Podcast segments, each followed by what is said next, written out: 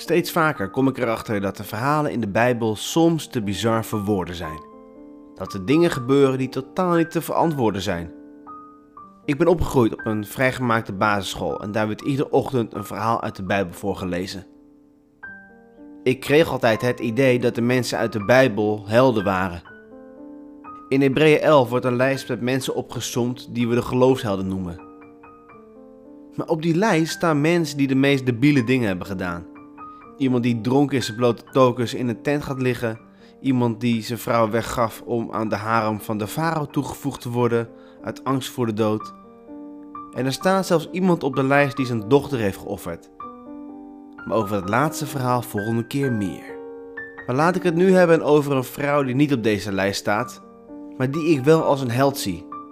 Haar naam is Esther en zij komt voor in het gelijknamige Bijbelboek Esther. Even wat achtergrondinformatie, waarbij ik begin bij de tijdlijn. Esther is een Hebreeuws meisje, een bevolkingsgroep die we nu de Joden zouden noemen. De Hebreeën woonden eerst in Egypte, waar ze door Mozes uit de slavernij zijn gehaald, om vervolgens jarenlang geleid te worden door rechters. Het volk wilde koningen en dat ging soms goed, maar heel erg vaak heel erg mis.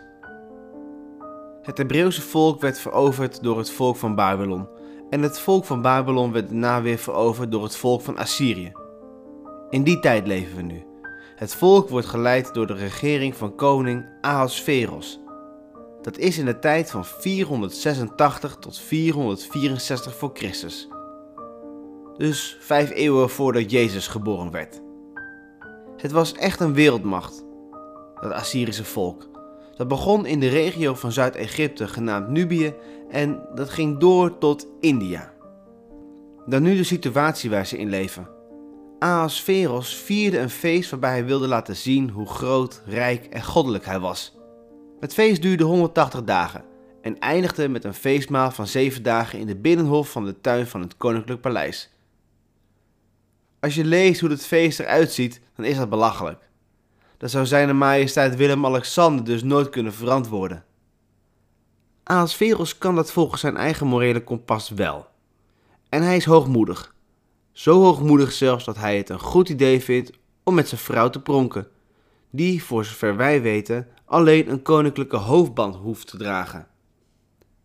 Ze waren dronken door de wijn die ze uit gouden bekers dronken, en het zou me niks verbazen als dat feest gewoon één grote orgie was.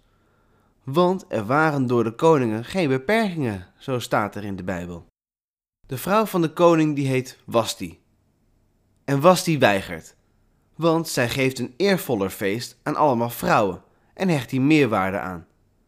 Op basis van de adviseurs van de koning stuurt Ahasveros haar weg. Want zo zeggen de adviseurs, wat de koningin heeft gedaan, zal alle andere vrouwen te oren komen en hen ertoe aanzetten hun mannen te minachten. En dan komen we bij Esther terecht, want de koning wil een nieuwe koningin. Uit heel het land worden vrouwen uit hun huizen meegenomen om kandidaat te zijn. De vrouwen moesten er prachtig uitzien en mochten niet eerder met een andere man geslapen hebben. En nu gaan we er even snel doorheen ter samenvatting van wat er allemaal gebeurd was. Esther is typisch zo'n geval van: ik heb niet gekozen voor het leven, maar ik moet het er maar mee doen. Esther leefde bij haar neef, die ook haar pleegvader was. Hij heette Mordechai. Ze was dus een wees, want ze had geen ouders meer. Ze leefde niet in haar eigen land, maar werd onderdrukt door een ander land. Ze werd uitgekozen om bij de koning te zijn. Daar kozen ze ook niet voor. Ze moest met de koning naar bed. Ze werd het pronkstuk van de koning en ook dat zal haar vast niet zijn bevallen. Want ze was een bescheiden Hebreeuws meisje die niets anders wilde doen dan God en haar volk eren. Niet dat God genoemd wordt in het Bijbelboek, maar dat zien we tussen de regels door. Nu leeft ze met een koning die nogal lugubere geschiedenis heeft als het gaat om vrouwen en drank. Wat Esther niet doet is voor haarzelf opkomen. Ze lijkt zich over te geven aan dit leven. Toch is zij een voorbeeld van iemand die voor zichzelf en haar volk opkomt. Ahasveros gaf een hoge positie aan een man genaamd Haman. Haman wilde dat iedereen voor hem boog of op zijn knieën ging. Iedereen deed dat, behalve de neef van Esther, Mordechai. Toen Haman daarachter kwam, wilde hij Mordechai te dood brengen. Toen hij erachter kwam dat Mordechai een Jood was, was het niet meer voldoende en moest het hele volk het ontgelden. Het hele Hebreeuwse volk moest dood. Dus plande Haman een datum waarop de doodstraf, beter gezegd de genocide, uitgevoerd zou worden. Toen Esther dit hoorde, greep ze gelijk in. Esther trok het koninklijke gewaad aan en ging naar haar man. Ahasveros zei, Mijn lieve Esther, wat wil je dat ik voor je doe? Ik hou zoveel van je. Al wil je de helft van mijn koninkrijk, ik zal het je geven. Niet letterlijk, maar wel in gelijke strekking. Hij was helemaal hoog tot de botel van Esther. Zo erg dat hij zo gek is om de helft van zijn rijk te geven. Dan ben je niet helemaal lekker. Maar ja, Esther hoeft niets van dit alles, want zoals we al eerder achterkwamen, is Esther een bescheiden Hebreeuws meisje. Esther is alleen maar met zuivere doelen naar haar man toegegaan. Nee, koning, zegt Esther, laat mij vanavond voor u en haar man een speciaal diner koken. Helemaal vereerd schoof haar man aan. Voor Esther was het niet voldoende om haar man en haar man goed in te palmen, dacht ze. Want toen Ahasveros tijdens het diner vroeg wat ze wilde hebben, al was het zijn halve koninkrijk, hij had weer gedronken, dat kon ze dat krijgen.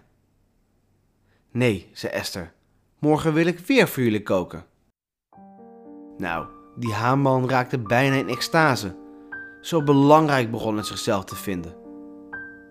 Dus toen Mordechai later die avond weer niet voor hem ging buigen, werd hij zo woedend en was hij zo op zijn tenen getrapt dat hij een paal voor zijn huis liet neerzetten om Mordechai op te spiezen. Het grappige is dat Haman de volgende dag Mordechai eer moet bewijzen, omdat Mordechai een aantal jaar geleden het leven van de koning heeft gered. Zo'n heerlijk detail vind ik dat.